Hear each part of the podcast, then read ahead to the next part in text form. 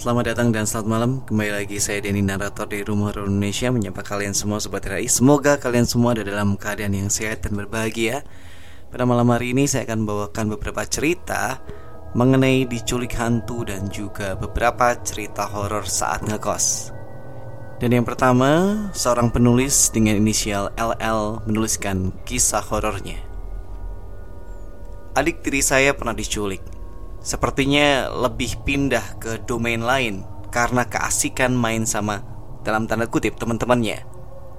Sebut saja adik saya ini Pras. Kejadiannya di sebuah villa yang disewa khusus acara keluarga di kota Batu Malang. Saat itu sedang ada acara reuni keluarga yang rutin diadakan tiap satu tahun sekali sehabis lebaran. Di villa ini kebetulan ada rimbunan pohon dan juga rimbunan bambu-bambu kuning gitu. Pas saya lagi asik makan Tiba-tiba bunda tiri saya panik Tidak bisa menemukan Pras di mana pun. Padahal jelas-jelas tadi dia sedang main di halaman bersama sepupu-sepupu yang lain. Kami pun akhirnya bersama-sama mencari Pras dengan menyisir tiap sudut villa.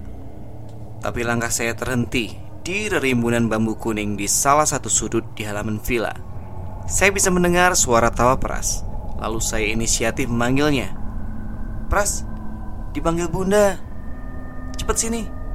Ujar saya beberapa kali sambil berteriak agak kencang. Saya menyapukan pandangan saya ke sekitar halaman Dan tiba-tiba Pras berlari dari arah belakang saya Lalu memegang tangan saya. Mbak Sambil kelendotan di tangan. Kamu dari mana sih? Kok mainnya jauh? Tanya saya. Pras menunjuk ke arah rerimbunan bambu kuning yang tadi saya berdiri tepat di depannya saya kemudian berinisiatif menyapa. Prasnya pulang ya. Makasih udah mau main sama Pras. Dadah. Saya melambaikan tangan ke arah rimbunan bambu Dan Pras mengikuti dengan antusias sambil mengucapkan kata Dadah berulang kali. Ketika kami berdua berjalan menjauh Terdengar samar balasan dari arah rimbunan bambu itu. Dadah. Suaranya seperti suara beberapa anak kecil Bunda langsung menghampiri Pras antara kesel dan lega. Bunda memeluk Pras tapi terus memukul pantatnya. Sementara Pras hanya tersenyum tengil. Bunda kaget setelah saya cerita. Untung ya mbak, bisa pulang dedek Pras. Iya bun, Alhamdulillah. Kisah yang kedua ditulis oleh penulis yang berinisial WB. Sepupu mama saya, panggil saja Bibi. Waktu itu beliau masih SMP baru mau beranjak gadis. Jadi, sepulang dari sungai untuk mandi, Pipi melihat seorang menyerupai ibunya menjemput di pinggir jalan. Saat itu hari sudah maghrib. Entah dalam kurun waktu berapa lama kalau di dunia manusia, Bibi tersebut tak kunjung pulang. Semua keluarga sudah mencari ke mana-mana. Akhirnya beliau dicari dengan cara ritual gitu. Didoain dulu terus sekampung rame-rame keliling sambil memukul anyaman bambu yang digunakan untuk menampi beras. Ini namanya tampah ya kalau di tempat saya. Menampi sendiri itu adalah proses memisahkan padi dengan gabah. Tak lama kemudian bibi tersebut lunglai dan linglung. Beliau duduk di bawah rimbunan pohon bambu. Setelah beliau mulai sadar dari linglung Beliau bercerita bahwa saat pencariannya kakinya terinjak oleh kakek saya hanya saja, beliau tidak mendengar saat bibi memanggilnya. Dia diculik oleh makhluk bertubuh besar berburu lebat.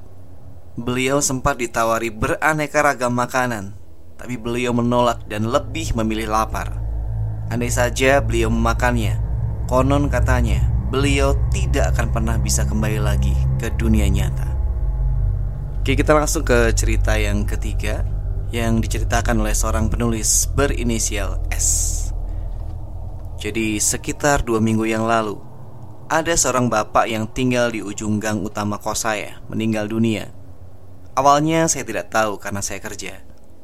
Pulang kerja shift 2 Sekitar jam 10 malam Ternyata gang utama kos saya ditutup karena ada pengajian atau tahlilan Si bapak almarhum yang saya ceritain tadi. Akhirnya saya harus putar balik Melalui gang B yang merupakan jalan alternatif Untuk tembus ke kos saya Awalnya biasa saja Gang kos juga sudah biasanya ramai Warung kopi juga banyak yang buka hingga tengah malam bahkan 24 jam Singkat cerita, beberapa hari setelahnya saya libur. Saya terbangun sekitar jam satu malam dengan kondisi perut lapar. Akhirnya saya memutuskan untuk mencari makan. Saya melewati gang utama karena gang B ditutup portal setiap jam 12 malam hingga jam 4 pagi. Otomatis saya melewati rumah bapak almarhum. Karangan bunga besar masih berderet segar di depan pagar rumah bapak almarhum. Entah mengapa, saya merasa malam itu menjadi mencekam saat saya melewati karangan bunga-bunga itu dan membaca sekilas ucapan bela sungkawa yang ada di sana. Warung-warung yang biasanya buka 24 jam juga entah mengapa sudah tutup saat itu. Bulu kuduk saya meremang yang saya pikir karena dingin nih. Hampir sampai di jalan utama, mata saya menangkap sosok putih berdiri mematung di pinggir jalan. Benar-benar diam dan tidak bergerak. Wajahnya hitam mengerikan menunduk dan saya meyakini dari wujudnya, sosok itu berupa Om Poci. Tubuhnya cukup tinggi dan berisi, dibalut kain putih yang terikat. Hati saya berdebar dan saya berpikir untuk putar balik. Namun karena itu adalah gang, agak sulit bagi saya untuk putar balik. Akhirnya saya pura-pura tidak melihatnya dan melewatinya. Malam itu, sampai subuh, saya keliling-keliling saja di jalanan. Saya menunggu subuh supaya saya bisa pulang melalui gang B dan tidak melewati gang utama, tempat di mana Om Poci berdiri mematung tadi. Saat ini, saya sering merasa ketakutan setiap kali saya keluar malam atau pulang kerja shift 2. Apalagi kalau harus melewati gang itu tengah malam. Untuk cerita keempat ditulis oleh AS. Ini pengalaman beberapa tahun yang lalu saat saya masih aktif ikut klub motor dan sering keluyuran ke mana-mana. Tiada hari tanpa touring istilahnya. Suatu hari ada rekan kerja dari Jawa yang touring ke Bali. Saya berdomisili di Denpasar dan sebagai sesama biker kita mengajak keliling-keliling Bali. Suatu saat sekitar jam 12 malam, sampailah kami di daerah Uluwatu dan beristirahat di tepi jalan, tepatnya di sebuah jembatan. Karena salian keliling mengunjungi tempat wisata, penatlah badan ini. Lalu berbaring sebentar di tepi jalan sembari melepas lelah dan tertidurlah saya Tak sampai 20 menit teman-teman mengajak pulang karena ingin beristirahat Sampai di rumah langsung cuci kaki, cuci tangan, cuci muka dan bubuk manis Nah ini kejadian yang selalu saya ingat sampai sekarang Saat itu lagi lelapnya tidur dan hari sudah pagi sekitar jam 8 Tiba-tiba terasa pergelangan kedua kaki saya dipegang erat-erat oleh tangan yang berkulit putih pucat Jari-jarinya panjang dan kurus lalu ditariklah dengan kuat ke arah ujung tempat tidur Otomatis mata melek dan apa yang saya lihat itu adalah kuntilanak. Rambutnya panjang, mukanya pucat, baju jubah putih kusam. Menarik dengan kuat kaki saya. Saat itu posisi Mbak Kuntinya seperti jongkok, jadi kelihatan hanya kedua tangan, pundak hingga kepala saja. Sehingga posisi badan terutama pinggang sudah di pinggir kasur. Hal itu terjadi sepersekian detik. Tapi gambaran peristiwa itu tidak pernah hilang dari ingatan. Lalu yang jadi pertanyaan, betapa kuatnya Mbak Kunti menarik saya yang berbobot 100 kg kurang dikit dengan begitu mudahnya. Seorang penulis berinisial PDW menceritakan kisah kelima. Sekitar tahun 2011 sampai 2012, saya kos di perkampungan dekat salah satu sungai yang terkenal di kota Bandung. Saat itu saya sendirian dan sedang memikirkan beberapa hal tentang pekerjaan sampai saya tidak bisa tidur. Di saat saya sedang melamun, saya mendengar ada suara ketukan dari jendela. Saya terheran karena posisi kamar saya berada di lantai dua dan memiliki balkon kecil di luar, sehingga sangat tidak mungkin jika ada orang yang mengetuk karena untuk bisa sampai ke balkon harus melewati kamar saya terlebih dahulu. Tiga kali saya dengar ketukan itu.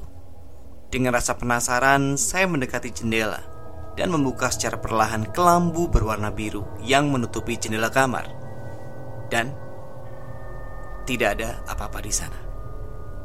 Saya tidak menaruh tanaman apa pun ataupun hewan di balkon.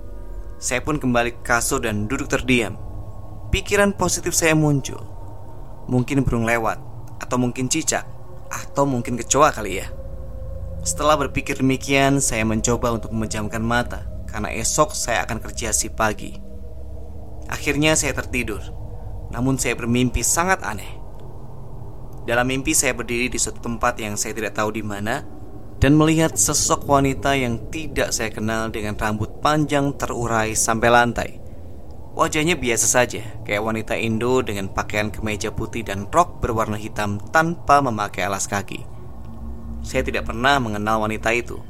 Dengan perasaan heran, saya mencoba melakukan interaksi. "Kamu siapa?" tanya saya. Wanita itu hanya tersenyum, namun lama-kelamaan senyumnya melebar sehingga merobek pipinya sampai ke ujung telinganya. Dan saya juga mendengar suara tawa cekikikan yang sangat lantang. Di situ saya berlari ke arah belakang dengan sangat kencang sampai kaki saya tersandung dan terjatuh. Saya terbangun dengan badan yang sudah berada di lantai. Jantung saya masih berdegup kencang karena ketakutan. Saya mengambil segelas air dan segera menekuknya sampai habis. Saya menyimpan gelas tersebut dan melihat Jam baru menunjukkan pukul 2 pagi. Badan saya terasa sakit dan pegal di bagian pundak. Saya kembali ke kasur, mencoba untuk memejamkan mata kembali. Namun tidak lama kemudian, badan saya tidak bisa bergerak. Badan saya seperti ada yang menahan dari atas. Saya tidak bisa bicara. Saya mencoba menggerakkan badan tetapi tidak bisa. Saya berdoa dan akhirnya bisa bangun dari kasur. Untuk menghilangkan rasa ketakutan dari kejadian itu, saya menyalakan televisi supaya kamar tidak terasa sepi. Lalu saya terlelap dengan posisi duduk di depan televisi. Esok harinya, saya mulai bersiap untuk pergi bekerja. Saya bekerja di salah satu restoran seafood. Kebetulan restorannya sudah tutup dengan mengusung tema salah satu pulau terkenal di Indonesia.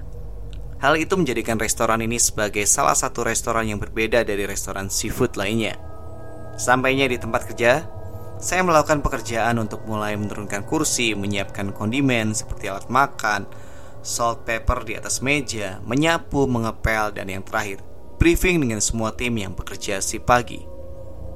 Setelah melakukan briefing pagi, saya melanjutkan menyobek daun pisang menjadi beberapa helai karena konsep restoran seafood ini menyajikan piring rotan yang dilapisi daun pisang untuk makan para tamu.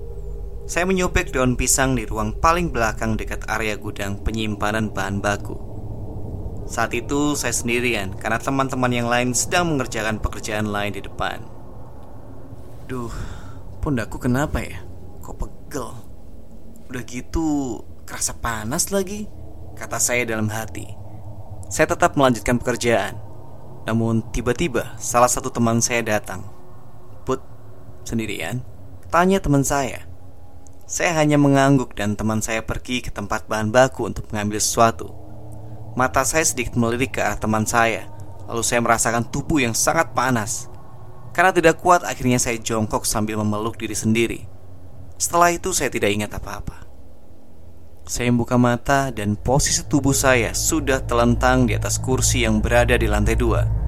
Saya melihat sekeliling, teman-teman saya berkumpul, saya bangun sambil memegang kepala saya yang sedikit pening lalu duduk. But, are you okay? Tanya manajer saya dengan suara risau. Yeah, I'm good. Ada apa ya pak? Tanya saya pada manajer saya. Saya belum mendapatkan jawaban dari manajer. Tiba-tiba ada seorang ustadz yang datang menghampiri saya, membawa segelas air mineral didampingi oleh security. Teman-teman saya menjauh dan membiarkan Pak Ustadz mendekati saya. Dek, diminum dulu airnya. Ujar Pak Ustadz. Saya mengangguk dan mengambil gelas dari tangan Ustadz. Lalu Ustadz bertanya pada saya Dek, semalam dari mana? Om, nggak dari mana-mana pak. Saya ada di kosan aja. Jawab saya setelah menekuk air minum. Adik lagi banyak pikiran? Tanya Pak Ustadz sambil mengambil gelas yang saya pegang. Hmm, Saya tidak menjawab pertanyaan Pak Ustadz Lalu Pak Ustadz bilang kepada salah satu teman saya untuk mengajak saya selalu berinteraksi. Jangan sampai saya melamun ataupun dibiarkan sendiri karena banyak makhluk halus yang menyukai karakter seperti saya. Mendengar perkataan itu, saya langsung menyadari bahwa saya habis kerasukan makhluk halus. Pak Ustadz menyarankan untuk saya dibawa pulang karena akan lebih tenang jika bersama dengan orang tua. Lalu Pak Ustadz pergi. Melihat saya yang sudah mulai membaik, teman-teman mulai mengerumuni saya, menceritakan bagaimana saya kerasukan. Put, kamu tadi di belakang itu jongkok terus kayak meluk diri sendiri gitu. Udah gitu kamu ketawa cekikikan. Aku kaget habis sambil barang di gudang lihat kamu gitu.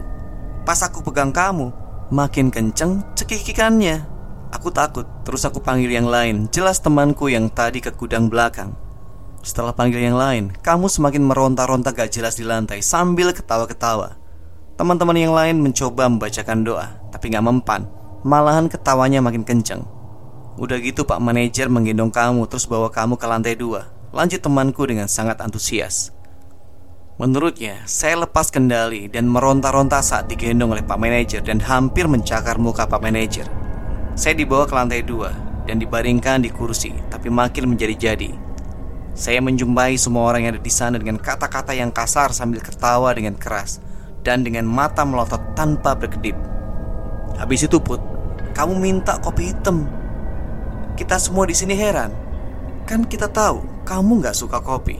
Ini malah minta kopi hitam. Jelas temanku itu. Saya memang melihat cangkir yang berisikan ampas kopi hitam di meja dekat saya duduk. Terus, aku minum kopi itu. Tanya saya pada teman-teman. Iya put, sampai habis sekali teguk. Padahal itu panas loh, jelas teman saya.